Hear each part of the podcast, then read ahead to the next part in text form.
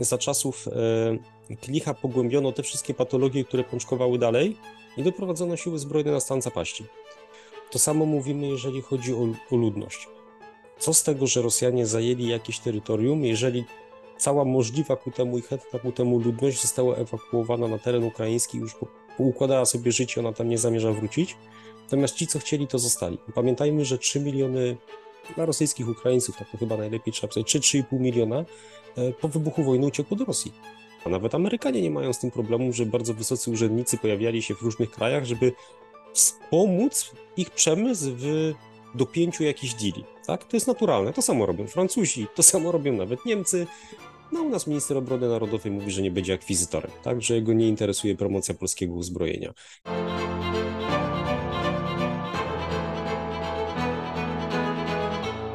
Ten materiał powstał także dzięki darczyńcom Nowej Konfederacji. Jeśli chcesz, żeby takie całkowicie niezależne analizy spraw o strategicznym znaczeniu dalej powstawały, rozważ proszę dołączenie do grona darczyńców Nowej Konfederacji. Bartłomiej Radziejewski. Dzień dobry Państwu, nazywam się Bartłomiej Radziejewski i witam serdecznie, zapraszając do Pomówmy Realnie, programu, w którym bez bzdur, bez clickbaitów, bez upiększania rzeczywistości, ale i bez taniego katastrofizmu mówimy o najważniejszych sprawach publicznych. Dziś gościem jest e, Jarosław Wolski, czołowy analityk do spraw wojskowych, autor książki Spokojnie o wojnie. Dzień dobry Jarku. Dzień dobry Bartku, dzień dobry Państwu. A porozmawiamy o tym, jaka jest sytuacja na froncie i jaka może być w przyszłości, aż po możliwe zakończenie wojny ukraińskiej, która ciąży nad nami już e, czas dłuższy i ciążyć będzie z pewnością jeszcze długo.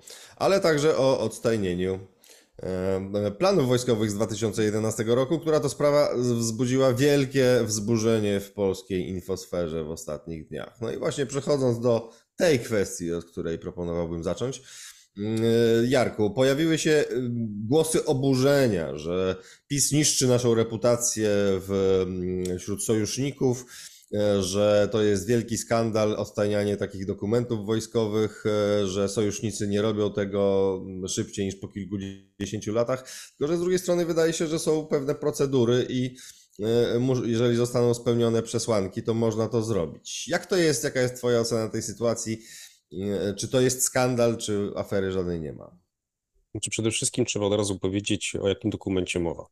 Mowa o dokumencie tak zwanym PUSZ, czyli Plan Użycia Sił Zbrojnych. Jest to zwykle wariantowany dokument. On ma kilka, kilka takich wariantów PUSZ powstaje. Jest to najważniejszy dokument strategiczny Sił Zbrojnych RP. Też nieprawdą jest, że nie mamy strategii, nieprawdą jest, że nie mamy planowania odpowiedniego. Mamy strategię, mamy odpowiednie doktrynę do tej strategii doczepioną, że tak powiem. To wszystko jest w Polsce tylko rozbite na szereg dokumentów doktrynalnych. No jednym z tego wyrazów jest PUSZ, czyli teoretycznie najważniejszy dokument dla sił zbrojnych RP, czyli plan użycia sił zbrojnych. Zwykle jest kilka wariantów, tak? Pytanie, czy to jest operacja sojusznicza od początku, czy po prostu w pewnym momencie ma miejsce obecność sojuszników w Polsce.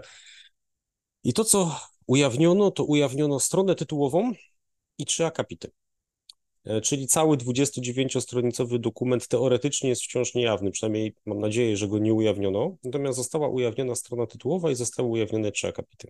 Mhm. W przypadku strony tytułowej e, mamy małe zamieszanie, ponieważ tam widnieją dwie daty. Jedna data to jest 2013 rok i to bezdyskusyjnie jest 2013, a druga data to jest 2000, lipiec 2023 rok. E, I teraz z dopisków na dokumencie wynika, że strona tytułowa, jak można przypuszczać, trzy akapity wyciągnięte ze środka dokumentu, zostały ujawnione w lipcu tego roku. No, bezdyskusyjnie zostało to zrobione na potrzeby kampanii wyborczej. To, to tutaj ciężko to inaczej odczytywać. E, natomiast, natomiast e, ja osobiście uważam, że bardzo niedobrze się stało, że w ogóle cokolwiek z takiego dokumentu jest ujawnione. Na Zachodzie tego typu dokumenty mają zwykle 50-letnią klauzulę i nie bez przyczyny. Wynika to z tego, że zwykle jeden plan operacyjny, czyli w ogóle plan użycia danych sił zbrojnych, wynika z poprzedniego planu. To nie jest tak, że jakiś plan jest zupełnie inny od poprzedniego. Co prawda niektóre rzeczy są stałe, takie na przykład geografia, tak? Czynniki geograficzne generalnie się nie zmieniają, choć też nie jest do końca prawdą, ponieważ mamy coraz niższy stan wód, wód w Polsce. Rzeki, które kiedyś były nieprzekraczalne brodzeniem i pojazdy gąsienicowe musiały, musiały pływać, obecnie są możliwe do przekraczania brodzeniem w większej ilości pór roku. E, mamy rozwój sieci drogowej, mamy rozwój infrastruktury, zmienia się nośność mostu, więc też nie do końca jest prawdą, że te determinanty, powiedzmy takie stricte geograficzne, są kompletnie niezmienne, tak? Ponieważ infrastruktura i przekształcenie tak. przez człowieka ziemi y, jest na tyle duże, że to też ma wpływ na te plany i też miejsca, które kiedyś były niedostępne do działań wojsk pancerno-zmechanizowanych, na przykład teraz są dostępne. Natomiast nie bez przyczyny, tak jak wspominałem, na Zachodzie zwykle jest to 50-letnia klauzula przynajmniej, e, ponieważ nowsze plany wynikają z planów poprzednich. I teraz tak, y, co do zasady, uważam, że niedobrze się stało, że ten dokument został upubliczniony. Natomiast y, powiem tak, y, chyba dla wszystkich zainteresowanych tematem nie ma tam nic zaskakującego. Ja pamiętam te dyskusje jeszcze z czasów, jak uczyłem studentów na bezpieczeństwie narodowym, właśnie okolicy 2011 roku wrocławskim.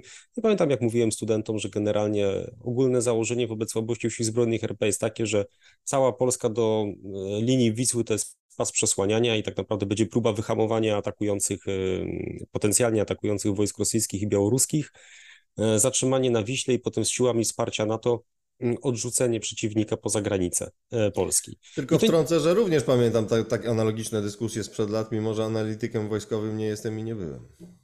Tak, ale to było no to troszeczkę na takiej zasadzie, że wszyscy wiedzieli, ale każdy się łudził, że może nie aż tak oceniano nasze realne siły i środki, tak, w tych latach. To, co moim zdaniem bardzo niedobrze, że zostało ujawnione, to to, że siły wsparcia NATO, czyli SSW, miały przyjść po 10-14 dniach. No myślę, że to nie powinno, mimo że też tak oceniane wielokrotnie w różnych swoich artykułach, książkach pisałem, że dwa tygodnie to jest mniej więcej realny okres, kiedy siły wsparcia NATO pojawiłyby się w Polsce, czyli te pierwsze komponenty, powiedzmy, lądowe NATO, poważne.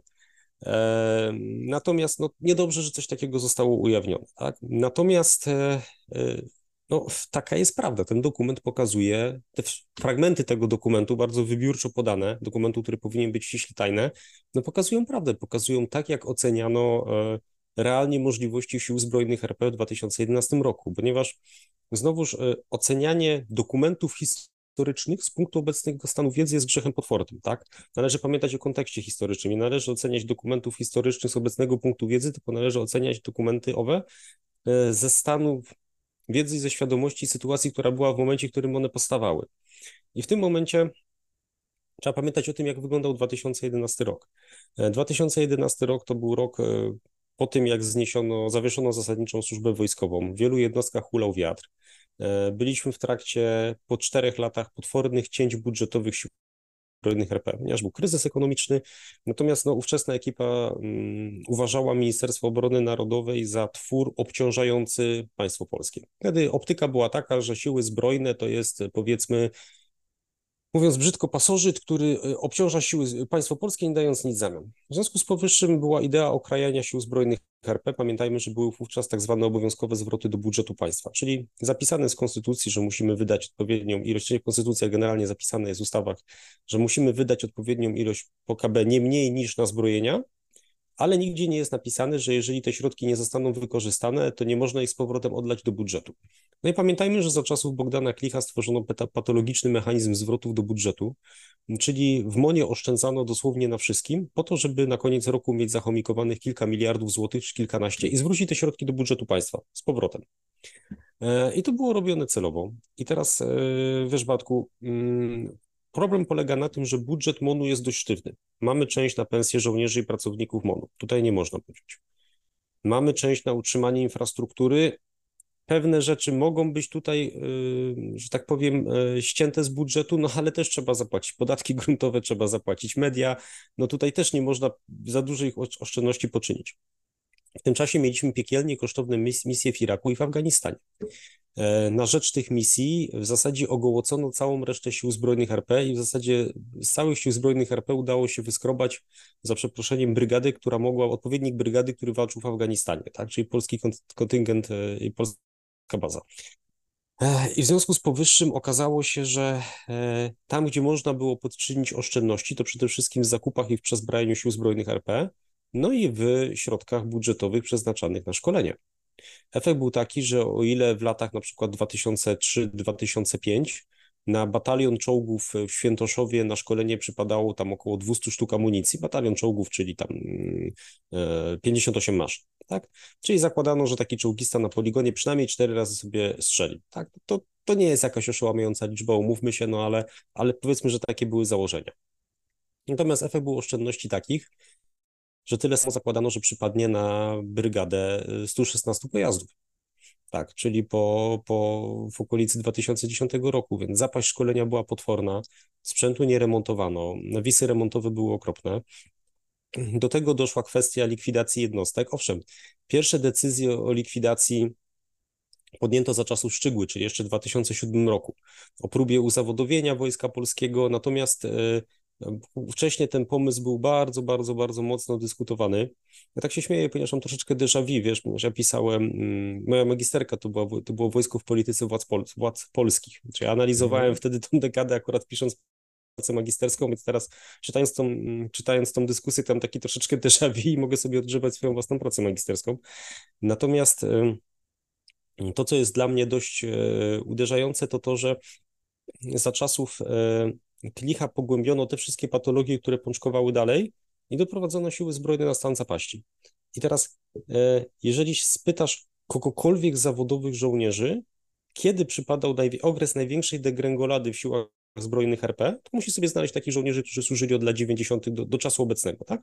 Jeżeli się ich zapytasz, kiedy przypadał okres największej beznadziei, degrengolady, upadku wiary w siły zbrojne RP, w możliwości, to 9 na 10 ci powie okres Klicha. I to, I to będzie bez zastanowienia, bo, to, bo wszyscy wiedzą doskonale, jak wtedy było.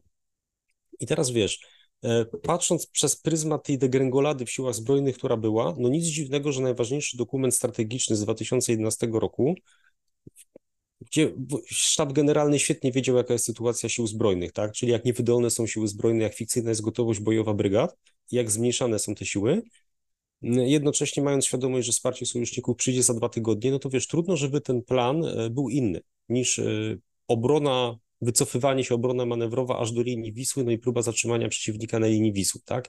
Czy to by oddawało, oznaczało oddanie Warszawy, czy nie? Nie wiem. No na szczęście reszta tego planu jest po prostu dalej niejawna, tajna przynajmniej. Natomiast z punktu widzenia zachowania, chowania przy życiu sił zbrojnych, no bo zniszczenie sił zbrojnych to jest najgorsze, co może spotkać państwo, tak, to w tym momencie, tak. dopóki są siły zbrojne, dopóty można walczyć, tak, dopóki można kontynuować jakieś działania, jeżeli stracimy siły zbrojne, to już nie ma niczego.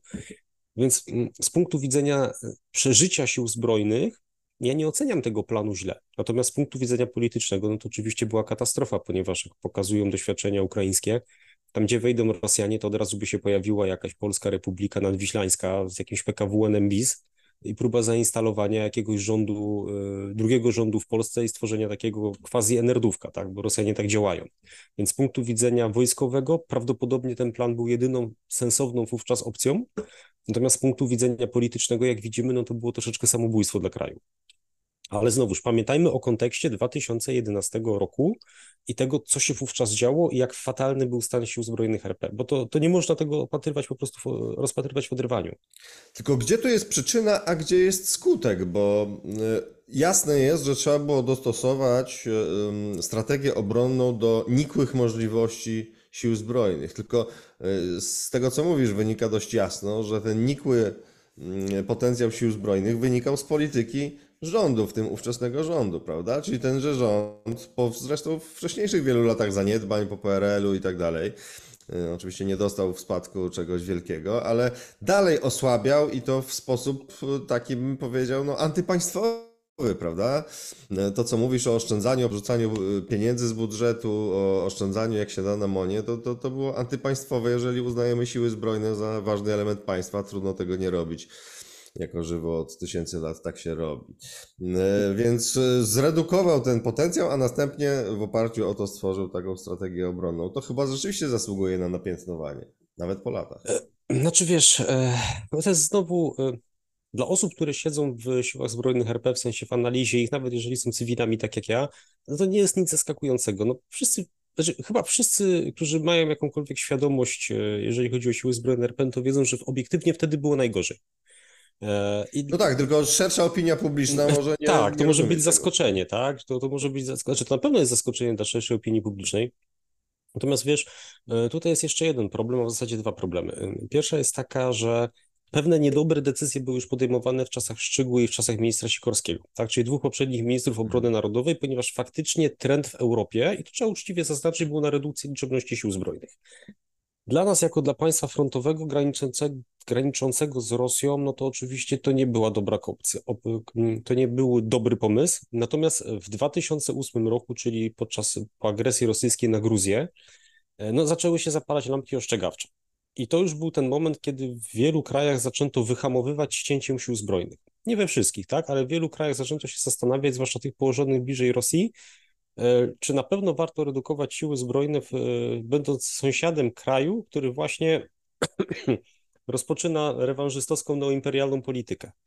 E, a co się u nas dzieje? 2008 rok, kwestia Gruzji, słynny lot do Tbilisi, a u nas potem... koniec historii, prawda? Tworzenie tak. armii ekspedycyjnej, jakbyśmy byli jakąś Francją. A, a, u nas 2008 rok ta maszynka redukcji zaczyna się nakręcać. Przypomnę też, że pan minister Bogdan Klik jest autorem powiedzenia, że on nie będzie, e, jak to stwierdził, że nie będzie akwizytorem polskiego przemysłu zbrojeniowego, ponieważ sprzedawanie uzbrojenia to jest zawsze polityka. I Amerykanie, Brytyjczycy, Brytyjczycy nie mają problemu, żeby ich minister obrony narodowej przyjechał do Polski, żeby pomóc dopiąć deal, tak? Czy to na okręty fregaty mm. rakietowe programu Miecznik, czy to na rakiety przeciwlotnicze KMR systemu NAREW, oni nie mają z tym problemów. Ba, nawet Amerykanie nie mają z tym problemu, że bardzo wysocy urzędnicy pojawiali się w różnych krajach, żeby wspomóc ich przemysł w dopięciu jakichś deali. Tak? To jest naturalne. To samo robią Francuzi, to samo robią nawet Niemcy. No u nas minister obrony narodowej mówi, że nie będzie akwizytorem, tak, że jego nie interesuje promocja polskiego uzbrojenia. Kwestia zaorania marynarki wojennej, no przecież decyzja przerwania budowy serii kilku korwet programu Gawron no, zapadła za czasów Klicha. I, więc wiesz, i to są rzeczy, które dla osób obeznanych z siłami zbrojnymi, z ich historią najnowszą, to są rzeczy oczywiste, tak? To to jest tak, jakbyś, wiesz, y, zapytał się kogoś, kiedy był chrzest Polski, nie wiem, co się wydarzyło pod Grunwaldem i tak dalej, tak? E, natomiast faktycznie dla szerszej opinii publicznej, co mi udowodniła, uświadomiła wczorajsza burza, jest to raczej e, mało znany fakt.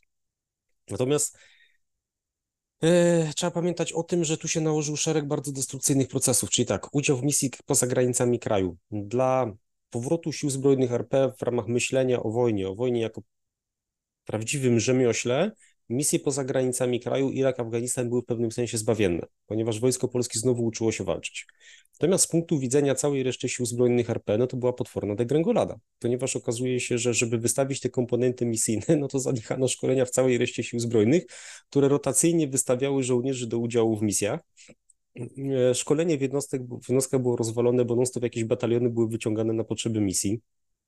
W tym czasie, tak jak wspominałem, nie było pieniędzy na szkolenie, wiesz, E, naprawdę to były wieki ciemne dla sił zbrojnych RP. Ja wiem, że ten termin nie jest za bardzo poprawny, ale tak to wyglądało. I teraz wiesz, z jednej strony dobrze, że to napiętnowano, ale ja uważam, że niedobrze, że napiętnowano to za pomocą dokumentu, który powinien być ściśle tajny i który moim zdaniem, jak powinien mieć zdjętą klauzulę, to w okolicy 2063 roku, mniej więcej.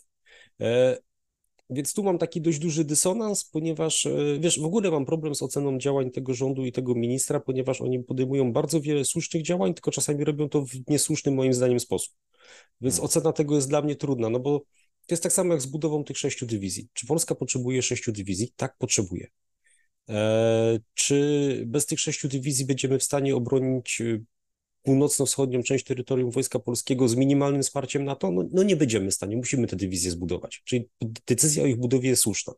Natomiast czy my jesteśmy w stanie te sześć dywizji zbudować, patrząc na demografię i patrząc na atrakcyjność służby żołnierza? No nie jesteśmy w stanie, tak? Więc znowuż robi się, podejmuje się działania co do ogólnego kierunku stuprocentowo słuszne, ale znowu w sposób, który budzi bardzo poważne wątpliwości co do wykonalności, tak? Więc... No tam jest jeszcze aspekt taki, pisze o tym Marek Budzisz w tym miesiącu w Nowej Konfederacji, nie wiem, czy miałeś okazję się zapoznać, że te dywizje powstają w dużej mierze poprzez uszczuplanie stanu starych dywizji i przesuwanie e, tych żołnierzy do nowych, więc to jest... Nie, nie, to... Mierze taka e, papierowa robota. Nie, nie, tu Marek, tu Marek y, nie, nie, napisał prawdy. Tak było w przypadku 18 dywizji. Faktycznie 18 dywizja, czyli czwarta dywizja powstała z komponentów powyciąganych z innych dywizji tworzonych na nowo. Natomiast dwie kolejne dywizje powstają troszeczkę inaczej, ponieważ powstają poprzez oczywiście zalążki, jeżeli chodzi o dowodzenie, logistykę, pewnie będą wystawione z istniejących sił zbrojnych, natomiast to mają być od nowa formowane związki, wielkie dywizje, czy wielkie związki taktyczne i tutaj y, to właśnie budzi największe obawy tak? Czyli kwestia tego, czy one w ogóle powstaną, przy czym znowuż problemem jest komunikacja ze strony MON-u, ponieważ dalej MON nie powiedział obywatelom, ile docelowo, znaczy ile docelowo dywizji to będziemy mieli powiedział, ale nie przekazał, jaka będzie ich struktura, jaki będzie dokładnie czas formowania. Wiesz, formowanie dywizji to jest zajęcie obliczone na 10 do 15 lat.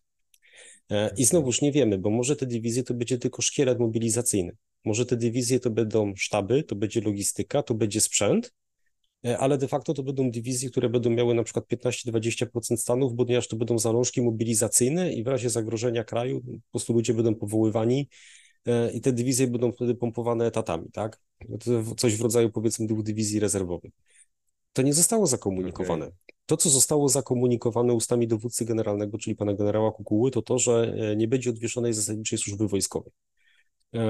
No, dlaczego nie będzie, no to wszyscy wiedzą, tak? To ekipa polityczna, która się na to zdecyduje, to przegra kolejne wybory. To jest, to jest zero-jedynkowe. Właśnie, tu, tutaj zatrzymajmy się przy tym chwilę, dobrze? Bo to jest e, arcyciekawy wątek. To jest kolejny asumpt tego czarnego czasu e, rządów Bogdana Klicha, prawda? W Monie, kiedy zlikwidowano pobór powszechny, co wiadomo, że będzie strasznie trudne do odwrócenia, prawda? Jak ty oceniasz tę decyzję? Bo wspomniany już Marek Budzisz, podobnie jak ja zresztą od lat, postuluje przywrócenie poboru, ze względu oczywiście nie w formie dawnej, quasi PRL-owskiej, tylko nowoczesnej, porządnie zorganizowanej i tak dalej, y, jako element niezbędny do realizacji planu 250-tysięcznej armii, wskazując, że w przeciwnym razie my będziemy przez dekady tworzyć tak liczną armię. Inaczej się nie da. No można oczywiście robić sztuczki e, na papierze, typu zapisywanie pracowników medycznych i biurowych w wojsku do stanu liczebnego armii, no ale to Rosjanie nie dadzą się na to nabrać, umówmy się, może wyborcy tak. Ech, Bartku, e, zasadniczą służbę wojskową zlikwidowano tylko i wyłącznie z dwóch powodów. Pierwszy jest taki, że ona jest droga. Zasadnicza służba wojskowa jest droga, ponieważ trzeba utrzymać infrastrukturę, która służy szkoleniu młodych ludzi, trzeba im zapewnić jakieś warunki socjalno-bytowe.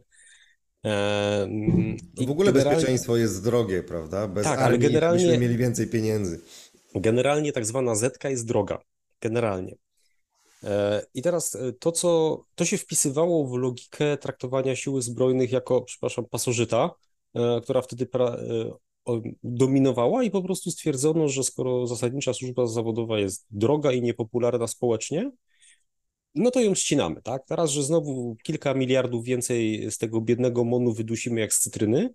Dwa, że no przecież to wspaniale wygląda e, e, w roku wyborczym, znaczy przed latami wyborczymi dla młodych ludzi, tak, no bo nie idą do wojska, nie idą w kamasze. Pamiętajmy wtedy, jaki był klimat, jak ludzie załatwiali sobie jakieś odroczenia, zwolnienia. Pamiętajmy, że wtedy był przecież rozkwit szkolnictwa prywatnego, bo kto, kto mógł, kto szedł, studiował cokolwiek, nieważne czy to była wyższa szkoła mieszania betonu głową, czy cokolwiek innego, byle był uniknąć zasadniczej służby wojskowej, rozkwit prywatnych tak. uczelni i, mon, i one były głównym beneficjentem przecież istnienia zasadniczej służby wojskowej.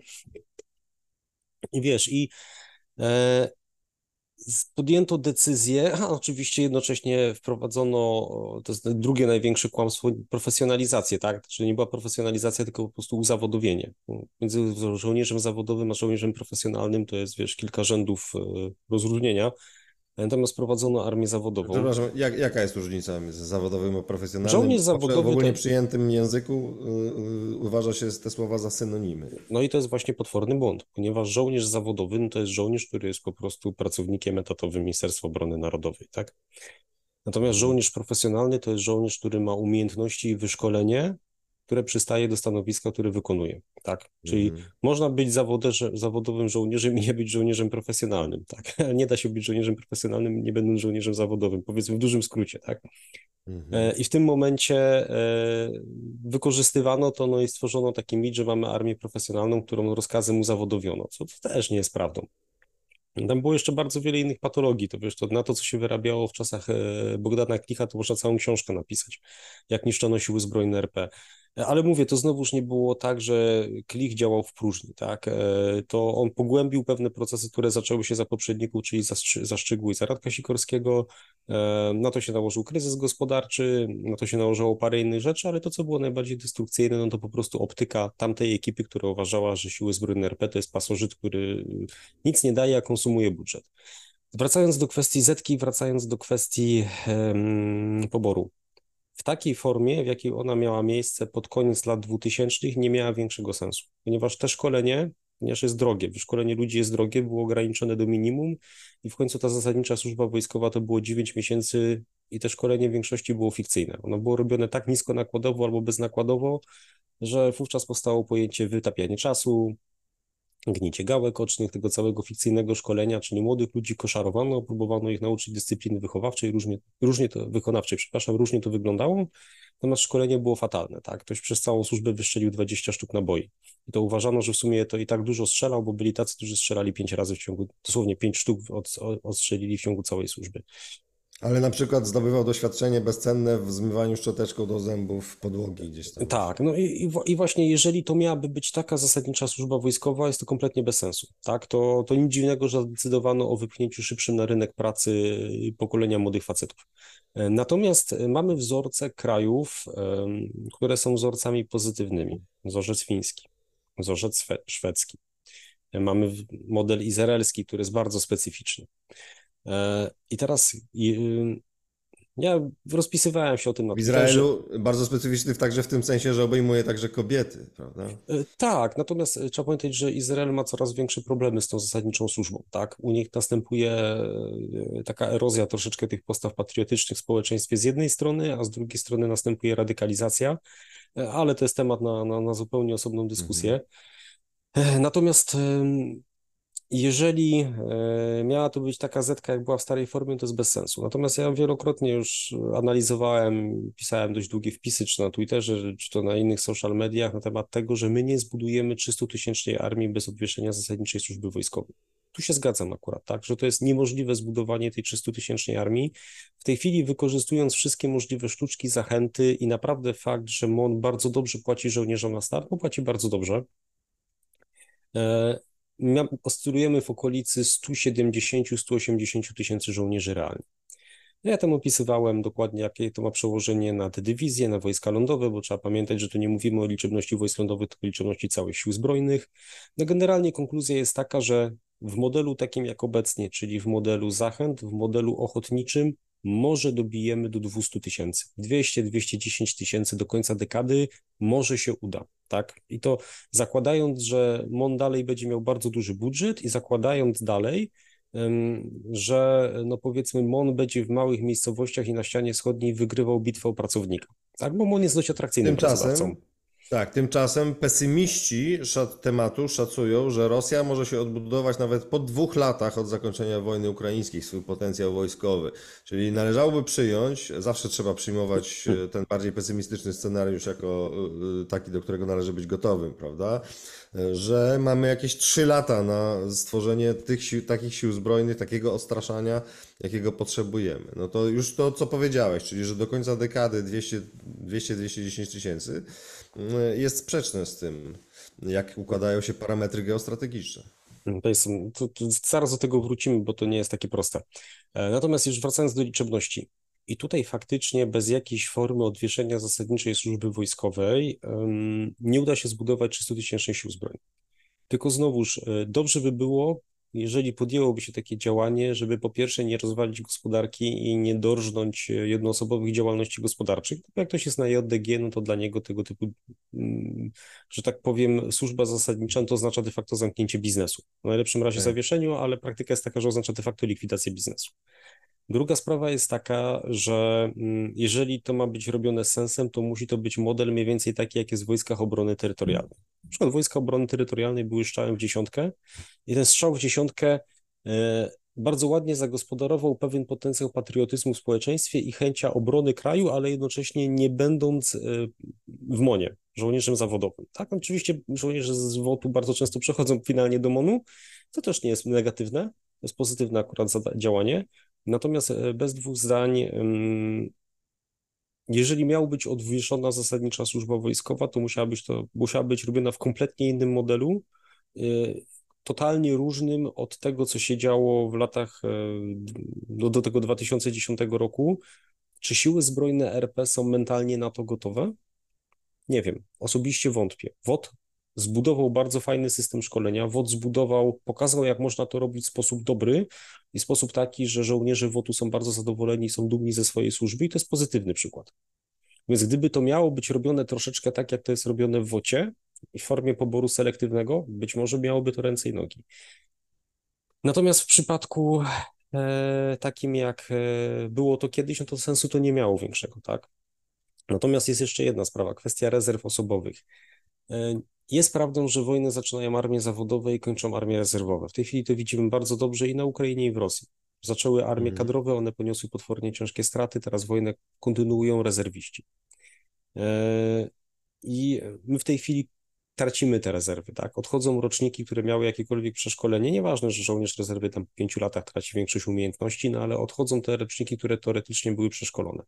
I faktycznie Mhm. kwestia budowy rezerw e, jest istotna, jest ważna. Ja osobiście co do generalnej idei zgadzam się z Tobą i zgadzam się z Markiem Budziszem, którego zresztą bardzo lubię i szanuję. Natomiast, e, e, i że w pewnej formie będziemy musieli wrócić do poboru selektywnego przynajmniej. Natomiast uważam, że jeżeli będzie to robione w formule takiej, jaka była, to przyniesie to więcej szkód niż pożytku. Natomiast gdyby było to robione w formule między- będącej mieszanką nowoczesnego patriotyzmu, benefitów dla osoby, która przeszła takie, mm, przeszła zasadniczą służbę wojskową, czyli pierwszeństwo do przyjęcia do administracji publicznej, na przykład na studia, stypendia e, dość duże dla studentów, którzy na przykład związali się przez jakiś rok, dwa lata z wojskiem, no gdyby oprócz e, aby nie patrzeć aparatu przymusu i opresji, no bo takim jest wojsko, stosować odpowiednie zachęty połączone z nowoczesnym patriotyzmem, być może miałoby to sens. Tylko ta marchewka musiałaby być naprawdę duża i musiałaby być naprawdę odczuwalna dla młodych ludzi, żeby nie powodowało to bardzo dużych mm, negatywnych reperkusji w społeczeństwie, oddźwięku negatywnego i żeby nie stało się polem od razu takiej wojenki polsko-polskiej politycznej, no bo to jest najgorsze, także prawdopodobnie od razu byłoby to wykorzystane do politycznej nawalanki. E, Natomiast wracając do Sił Zbrojnych Federacji Rosyjskiej, trzeba odróżnić kilka rzeczy. Mm, Trzeba odróżnić możliwości produkcyjne, trzeba odróżnić nawisy remontowe. E, Tak sobie czasami pogadam z Konradem Muzyką, no to my szacujemy powrót Rosjan do stanu sprzed konfliktu na od 5 do 10 lat. To są takie widełki, jeżeli chodzi o sprzęt, jeżeli chodzi o, o mm, kwestie związane z wyszkoleniem, jeżeli chodzi o zlikwidowanie nawisu remontowego. Oczywiście założenie, Obyście że... mieli rację, obyście mieli rację i bardzo możliwe, że macie, tylko y, zwracam uwagę, że istnieje na przykład szacunek Bałtów niedawny, prawda, bałtyckiego MONU, znaczy y, y, estońskiego bodajże MONU, tak, który mówi, że to mogą być nawet dwa lata. Andrew Michta, szanowany strateg amerykański, mówi o trzech latach, prawda, więc nie, nie można chyba wykluczyć, że to będzie krócej.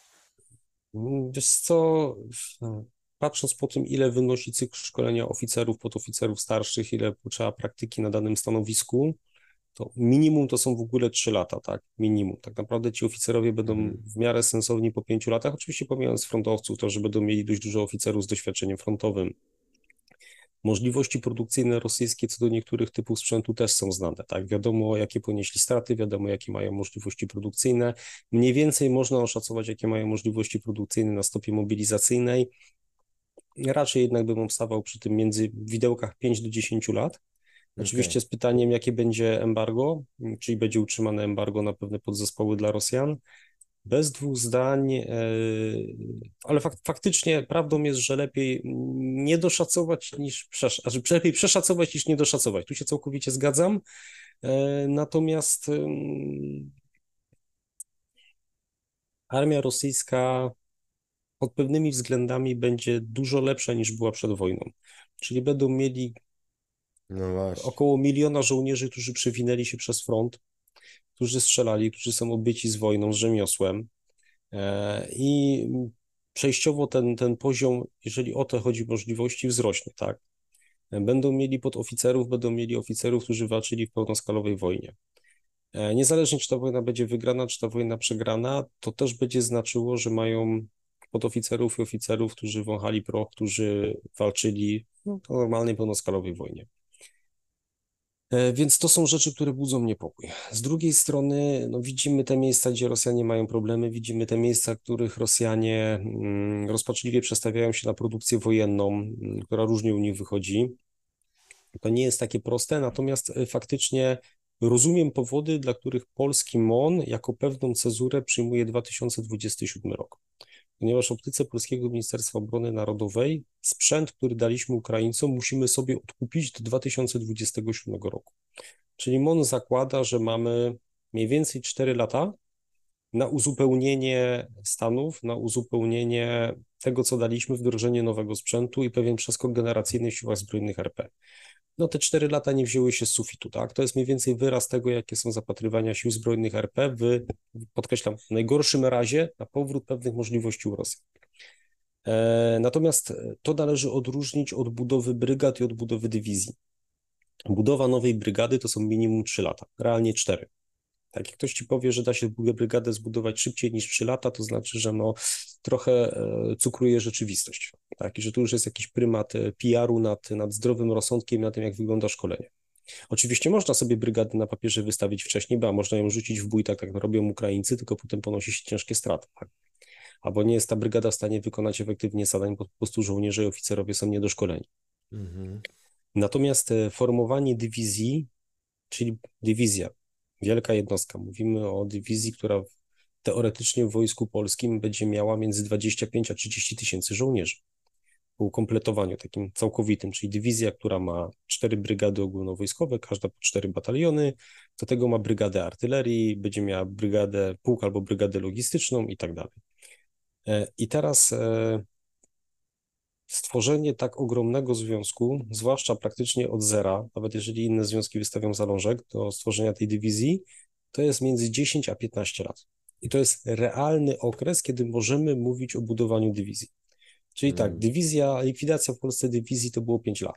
To między 2000, mniej więcej piątym pierwszych koncepcjach do 2010 roku w 5 lat zlikwidowano dywizję. Likwiduje się zawsze dużo łatwiej niż się tworzy. Tak, natomiast tworzenie to jest 10-15 lat. E, I teraz decyzja o budowie piątej i szóstej dywizji jest słuszna. E, czy będzie nas na to stać? Paradoksalnie tak, tu finanse nie będą większym problemem. Czy będzie sprzęt dla tych dywizji? Wszystko wskazuje na to, że tak. E, czy będzie kadra oficerska, podoficerska? Prawdopodobnie tak. Natomiast czy będą żołnierze? Prawdopodobnie nie. A przynajmniej nie bez jakiejś no formy odwieszenia zasadniczej służby wojskowej. I teraz to jest to, o czym wspominałem na wstępie naszej rozmowy budowa tych dwóch dywizji jest e, absolutnie słusznym pomysłem. One, one muszą powstać. Natomiast to, na ile jest to wykonalne, to już jest, to już jest niestety zupełnie inna um, para butów i niestety jest to no, problematyczne, tak? Łotysze, niewielki kraj bałtycki, y, ostatnio odwiesili pobór, przywrócili zasadniczą służbę wojskową. Jakoś mimo tych wszystkich z pewnością podobnych politycznych e, przeciwwskazań, Udało im się to zrobić. Mm, nie wiem, jaka jest sytuacja, nie jestem ekspertem od krajów bałtyckich. Nie wiem, jaka jest sytuacja polityczna na Łotwie, nie wiem, jak wyglądają podziały socjopolityczne w ich społeczeństwie, nie wiem, jak wygląda e, ich klasa polityczna, e, opinie badania publicznego, opinie, badanie opinii publicznej i tak dalej. Nie jestem w stanie tego ocenić po prostu mm, fachowo. Jasne. Z punktu widzenia Polski, czyli kraju, gdzie podziały socjopolityczne nie przebiegają jak na Zachodzie, w przypadku kraju, który jest Chociaż no, w Stanach Zjednoczonych polaryzacja jest jeszcze większa chyba niż u nas. Tak, tylko u nas przebiega troszeczkę inaczej, bo u nas prawica jest lewicowa w kwestiach ekonomicznych, y, z kolei centroprawica no tak. i lewica jest prawicowa w kwestiach ekonomicznych. To tak? prawda, no ale Więc to, u nas to jest troszeczkę, wiesz... Troszeczkę... dla budowania konsensusu to chyba nie jest aż tak zasadnicze. No i u nas jest dość mocna polaryzacja niestety. Y, natomiast y, z naszego polonocentrycznego punktu widzenia siły zbrojne niestety są polem walki politycznej, tak? Jest to, wszystko jest de facto, zwłaszcza teraz na finiszu kampanii wyborczej, wykorzystywane w walce politycznej, więc ja osobiście mam duży ubaw, jeżeli czytam e, komentarze pod z moimi wpisami i połowa mnie oskarża o wspieranie opozycji, a połowa mnie oskarża o wspieranie rządzącej koalicji, tak? Więc... To klasyka, Jarku. Jak byłem komentatorem krajowym, to codziennie słyszałem wyzwiska ty platformerska pip, ty pisowska, pip. A propos tych samych dokładnie tak. wypowiedzi. Tak, tak. Dzień w dzień przez lata. Tak, obecnie dokładnie to samo przerabiam. E, natomiast. Łączę się w bólu. Tak, natomiast wracając do sytuacji na Ukrainie. E, nie chcę, żeby to zabrzmiało źle, ale e, im gorsza sytuacja dla Rosjan na Ukrainie, a zatem pośrednio niestety i dla Ukraińców, tym lepiej i bezpieczniej dla nas ponieważ Rosjanie, którzy są uwikłani w długą i krwawą wojnę na Ukrainie, to są Rosjanie, którzy nie będą myśleć o tym, żeby neoimperializm kierować w, w, w stronę Polski, w stronę Bałtów. E, no, Ukraińcy swoją krwią kupują nam czas, żeby NATO na tej naszej wschodniej flance jeszcze bardziej okrzepło, żeby siły zbrojne w państwach bałtyckich odbudowały się, żeby wojsko polskie w pewnym sensie się odbudowało, żeby te wojsko polskie przezbroić. E, więc z tego punktu widzenia jakiejś globalnej układanki, no to nie chcę, żeby to zabrzmiało bardzo źle i cynicznie, ale no niestety taka jest polityka. Ale im dłużej trwa wojna na Ukrainie, im większe straty ponoszą Rosjanie, tym paradoksalnie lepiej dla bezpieczeństwa Polski. Tak. Tylko, że niestety należy mieć świadomość, że oznacza to potworną daninę krwi ze strony Ukrainy, oznacza to niszczenie państwa ukraińskiego e, i oznacza to bardzo poważne problemy dla Ukraińców. Natomiast ja osobiście mam bardzo poważne wątpliwości, czy Zachód na pewno robi wszystko, co może robić, żeby pomóc Ukrainie wygrać tą wojnę. Ponieważ. E, Chyba ewidentne, że nie robi, prawda? Y, dowództwo ukraińskie, generał Załużny, szef sztabu, jak i przywództwo polityczne wielokrotnie podnosi. Brakuje nam tylu set jeszcze czołgów, tylu e, transporterów opancerzonych, tylu myśliwców i tak dalej, i tak. Nie ma tego, prawda? Wydaje się, że Zachód świadomie dozuje Ukrainie pomoc na tyle, żeby mogła dalej walczyć, może robić takie niewielkie postępy, właśnie przejdźmy do tego wątku za chwilę może, y, a nie żeby y, dokonała walnego zwycięstwa.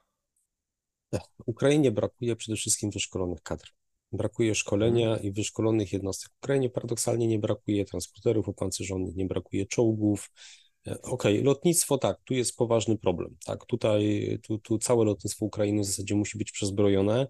E, NATO dostarcza bardzo dużo sprzętu na Ukrainę, natomiast to, co brakuje, mm, to, czego brakuje Ukraińcom, to szkolenia, szkolenia, jeszcze raz szkolenia i wyszkolone jednostki. Natomiast no, ta pomoc dla Ukrainy faktycznie jest dozowana.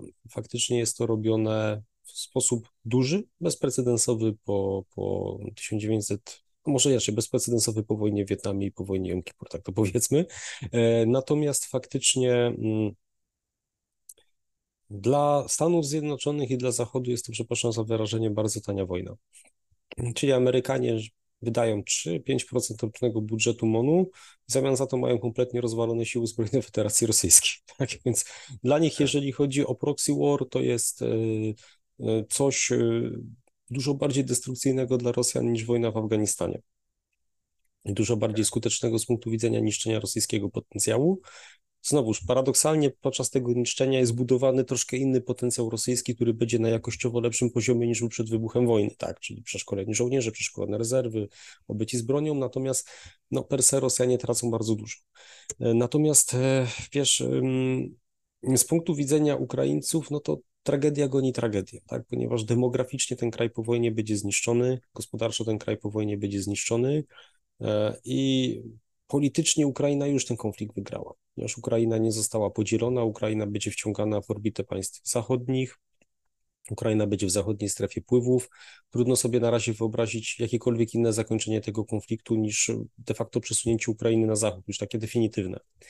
Natomiast. Tylko w jakim kształcie jeszcze pozostaje pytanie, które ciąży również nad Twoją tezą o zwycięstwie politycznym Ukrainy? No bo jeżeli Ukraina wejdzie do tych struktur transatlantyckich, załóżmy rzeczywiście, po zakończeniu wojny, ale bez Krymu, bez Donbasu, bez dostępu do Morza Azowskiego, no to czy to jest gra warta świeczki, też się pojawia pytanie.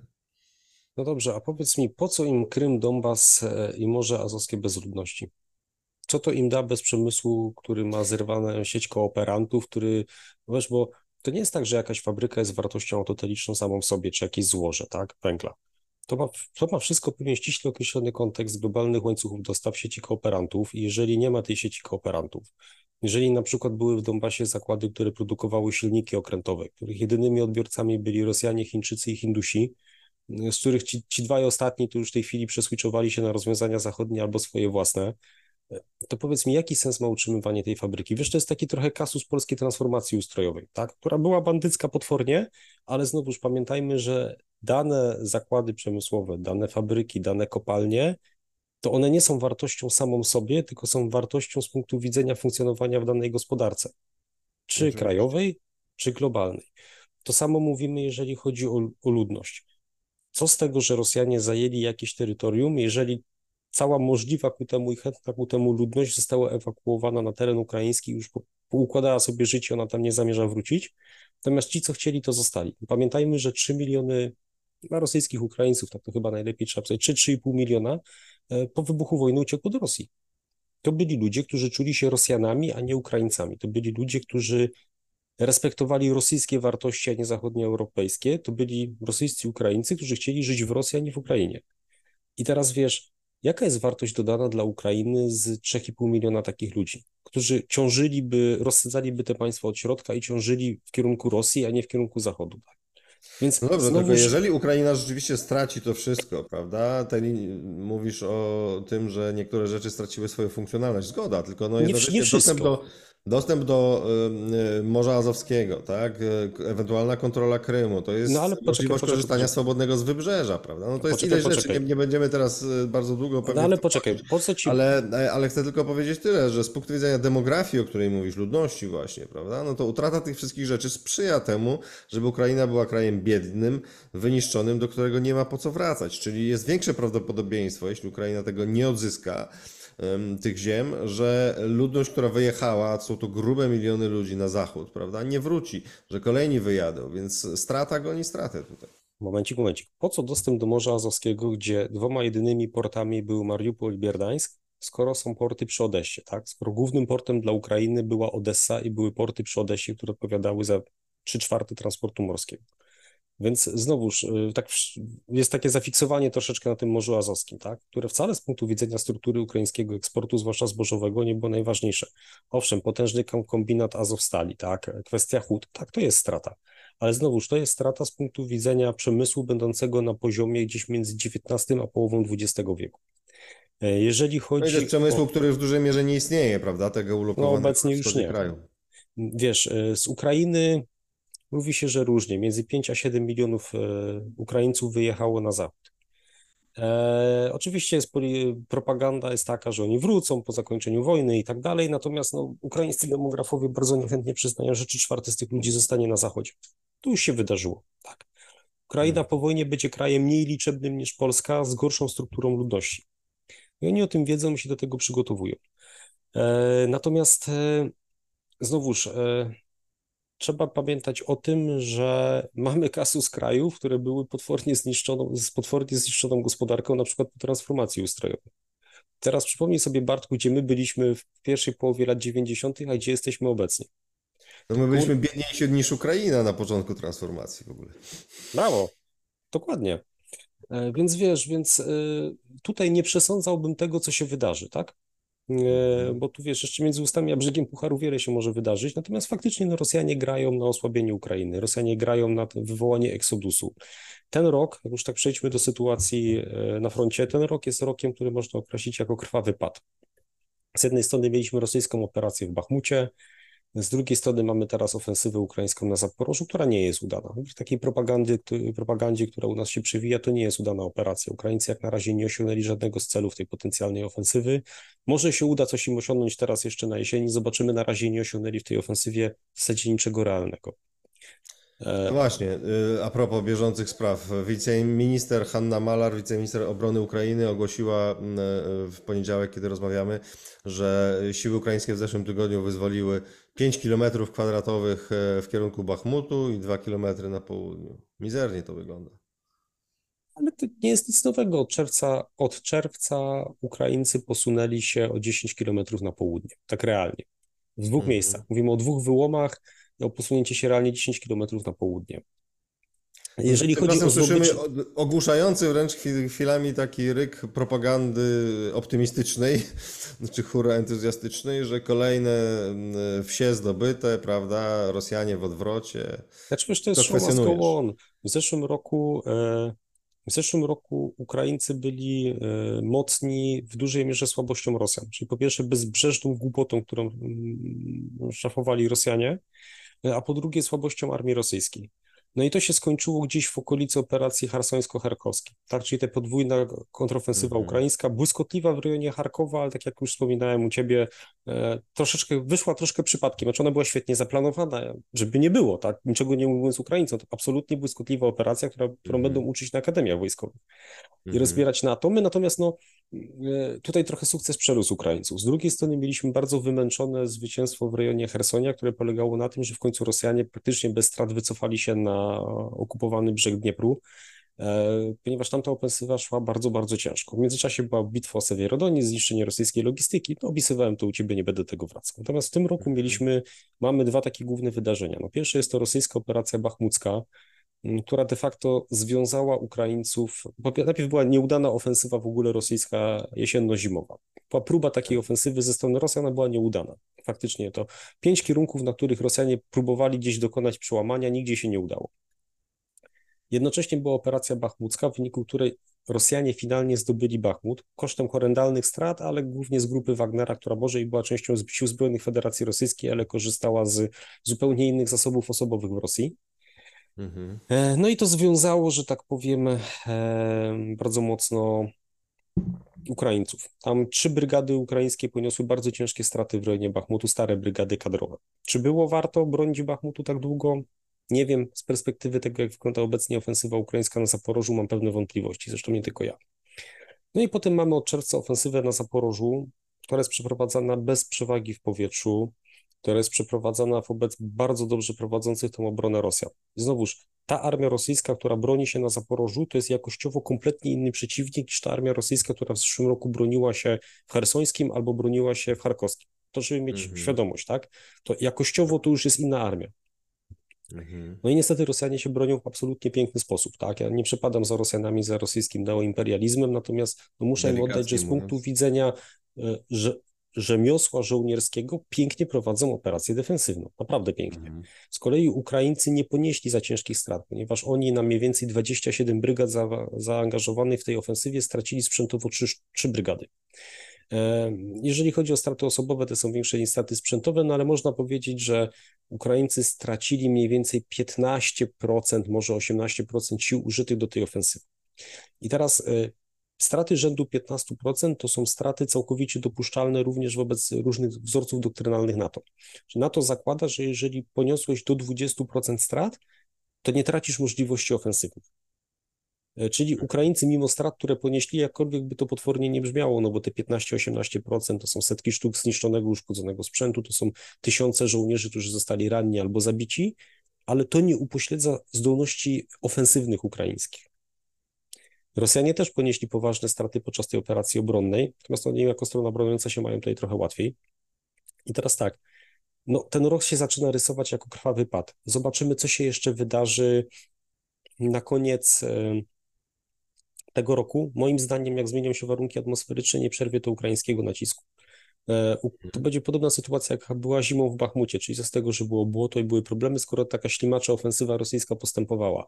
Tu będziemy mieli podobną sytuację, czyli Ukraińcy prawdopodobnie dalej będą przeć na południe, mimo że warunki atmosferyczne będą niekorzystne. Zobaczymy, co się wydarzy.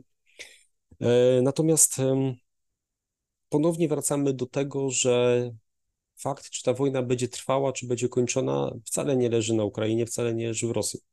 On leży tak naprawdę na decyzjach zapadających na waszyngtońskich i europejskich salonach i tak długo, jak Amerykanie będą przeznaczali te swoje 3 do 5% budżetu Ministerstwa Obrony Narodowej, znaczy niego, e, tak długo ta wojna będzie mogła trwać. Tak, tak długo Ukraińcy będą mieli podsyłane uzbrojenie, wyposażenie, amunicję, żeby jasne, Ukraińcy się bronią w absolutnie słusznej sprawie. Tak, to jest wojna sprawiedliwa, wojna obronna, powiedzmy.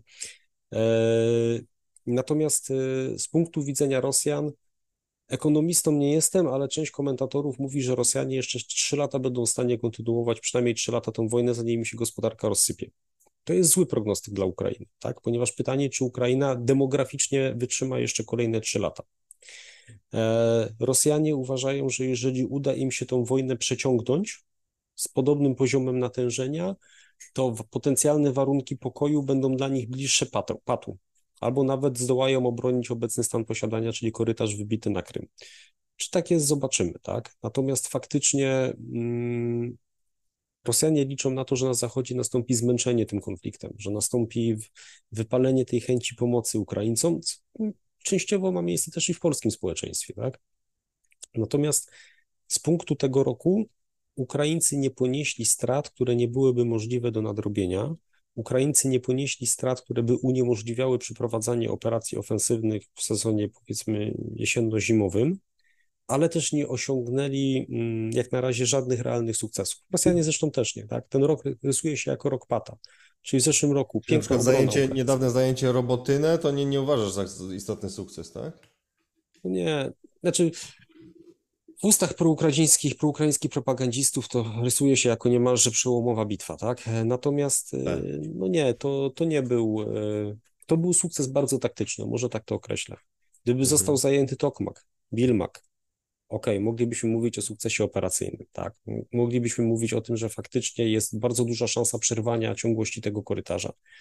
Natomiast na razie e, raczej mówimy o pacie i raczej należałoby wylać wiadro zimnej głowy na te rozgrzane, e, znaczy wiadro zimnej wody na te rozgrzane e, proukraińskim przekazem głowy, ponieważ ja kibicuję Ukraińcom, oczywiście, tak, bo uważam, że oni toczą absolutnie, tak jak już wspomniałem, sprawiedliwą wojnę w obronie swojego kraju. Natomiast w tym roku efekty walk są takie dość mizerne. I teraz wiesz, wszyscy się śmialiśmy z Wuchledaru, tak? Z tego, jak mm, rosyjskie brygady pod Wuchledarem poniosły ciężkie straty, w zależności od tego, kto i jak liczył, od 80 do 160 straconych pojazdów. No fajnie, tylko tu mówimy o stratach na przestrzeni dwóch i pół miesiąca. Natomiast zapomina się o tym, że na kierunku Robotynę Ukraińcy stracili więcej pojazdów w ciągu półtora miesiąca, tak? Więc wiesz, znowuż no, u nas ten przekaz jest jednak Atakować bardzo jest znacznie jednoznaczny. trudniej niż się bronić, prawda? Tak, natomiast no, Ukraińcy mm, no, przeprowadzają operacje w warunkach, w których na to by jej nie przeprowadzało, czyli bez przewagi w powietrzu, opierając się głównie na artylerii. Mm, Rosjanie niestety do pewnego stopnia walką radioelektroniczną zlikwidowali ukraińską przewagę w dronach. E, To, to oczywiście w tej chwili się z, znowu te użytkowanie bezpilotowców po stronie ukraińskiej wraca, tak? Tam został zmieniony hardware, został zmieniony software, to już nie są cywilne drony, to już są drony, które wyglądają jak cywilnie, ale są zmienione. E, Natomiast ten rok jest y, bardzo konfundujący dla obu stron, ponieważ chyba żadna ze stron nie osiągnęła takich, nie osiągnęła tego, co zakładała. Ani Rosjanie, którzy atakowali na początku roku, bo mówię, ta operacja bachmucka i zdobycie Bachmutu to był raczej sukces poprzez wykrwawienie sił zbrojnych Ukrainy, wykrwawienie niektórych brygad kadrowych ukraińskich, a nie realny jakikolwiek sukces, zwłaszcza, że ta ofensywa zimowa Mhm. nie przyniosła efektów. Natomiast no, z drugiej strony mamy w tej chwili no, w zasadzie trzeci miesiąc, nie, no, zaczyna się, powolutku zaczyna się czwarty miesiąc ukraińskiej ofensywy, yy, a efekty są, nie chcę powiedzieć żadne, ale efekty absolutnie nie przystają do oczekiwań, które były. No właśnie, i wcześniej y, y, powiedziałeś rzecz niezwykle ważną, wydaje mi się. To znaczy, kwest- zakwestionowałeś to, że Ukraina nie ma dostatecznej ilości sprzętu, mówiąc, że nie ma czegoś w istocie znacznie ważniejszego, czyli kadr. No, jeżeli Ukraina nie ma wystarczającej liczby kadr, to to oznacza, że Wyszkolonych kadr, żadna wyszkolonych kadr, wyszkolonych kadr. Że tylko długi okres trwania ewentualnie może im e, zapewnić warunki do zwycięstwa. W przeciwnym razie nawet nieograniczona ilość sprzętu nie będzie mogła zostać e, e, obsłużona przez tę niewystarczającą liczbę kadr. Czy to nie jest grecka tragedia? Czy to nie ten czynnik, o którym powiedziałeś, nie sprawia, że Ukraina po prostu nie może zakwestionujesz kwestię, gdy powiem wygrać tej wojny, że nie może wygrać Znaczy, wojny, ale ale nie może zrealizować celów, jakim jest odwojowanie wszystkich strat, które poniosła w tej wojnie. No i widzisz, i tutaj przechodzimy do tego, czym był Bachmut, czym była operacja bachmucka. To też świetnie wiedzą Rosjanie. Rosjanie świetnie wiedzą, że e, armia ukraińska rozwinęła się z poziomu 120 tysięcy żołnierzy 24 lutego 2022 roku do poziomu około 700 tysięcy żołnierzy obecnych. Rozrost praktycznie sześciokrotny. Ilość sformowanych nowych brygad gigantyczna. Te brygady mają sprzęt na przykład z zachodu dostarczony. Natomiast e, Trzeba pamiętać o tym, że Ukraińcy stracili, szacunki są różne, ja to osobiście szacuję na mniej więcej 80 tysięcy żołnierzy, którzy zostali ranni i musieli zostać zdemobilizowani. Pewna część z tego to są żołnierze polegli. Tak, tak żeby ktoś zaraz tego nie wyciął z kontekstu, ja nie twierdzę, że zginęło 80 tysięcy Ukraińców, nie. E, Twierdzę, że przynajmniej około 80 tysięcy Ukraińców musiało zostać zdemobilizowanych. Pojawiają się też liczby rzędu 100-110 tysięcy z powodu odniesionych ran. I w tym jest oczywiście też pewna liczba po prostu poległych.